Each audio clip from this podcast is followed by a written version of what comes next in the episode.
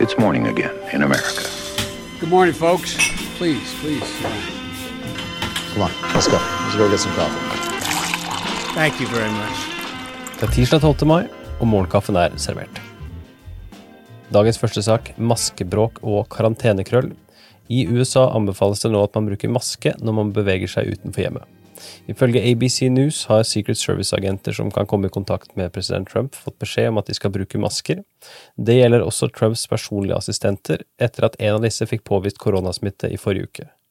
Trump møtte militære ledere i Det hvite hus i helgen, men brukte ikke maske, og har foreløpig ikke opptrådt offentlig med maske på.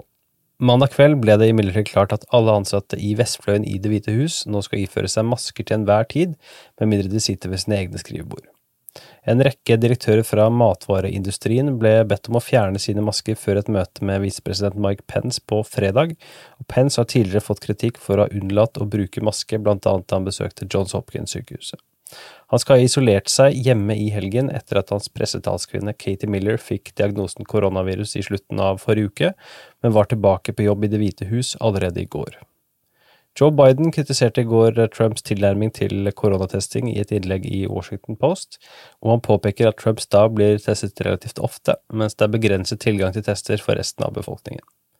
USA passerte mandag 81 000 koronarelaterte dødsfall.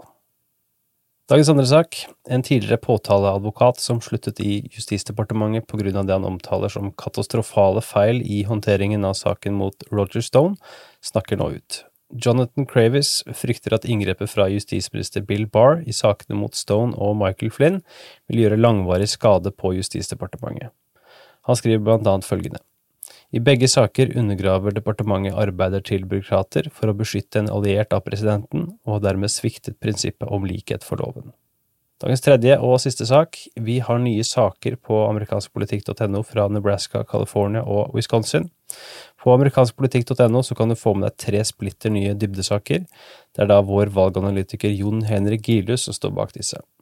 Han skriver blant annet om primærvalget i Nebraska, der den republikanske, men til tider svært Trump-kritiske senatoren Ben Sass utfordres av Trump-lojalisten Matt Innis, selv om Trump allerede har erklært sin støtte til Sass.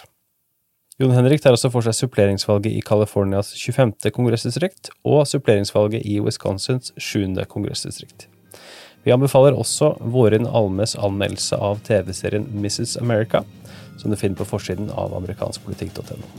Dagens utgave av Morgenkaffen er servert av Sigrid Rege Gårdsvold og undertegnede Are Togoklaten. Du leser mer på amerikanskpolitikk.no.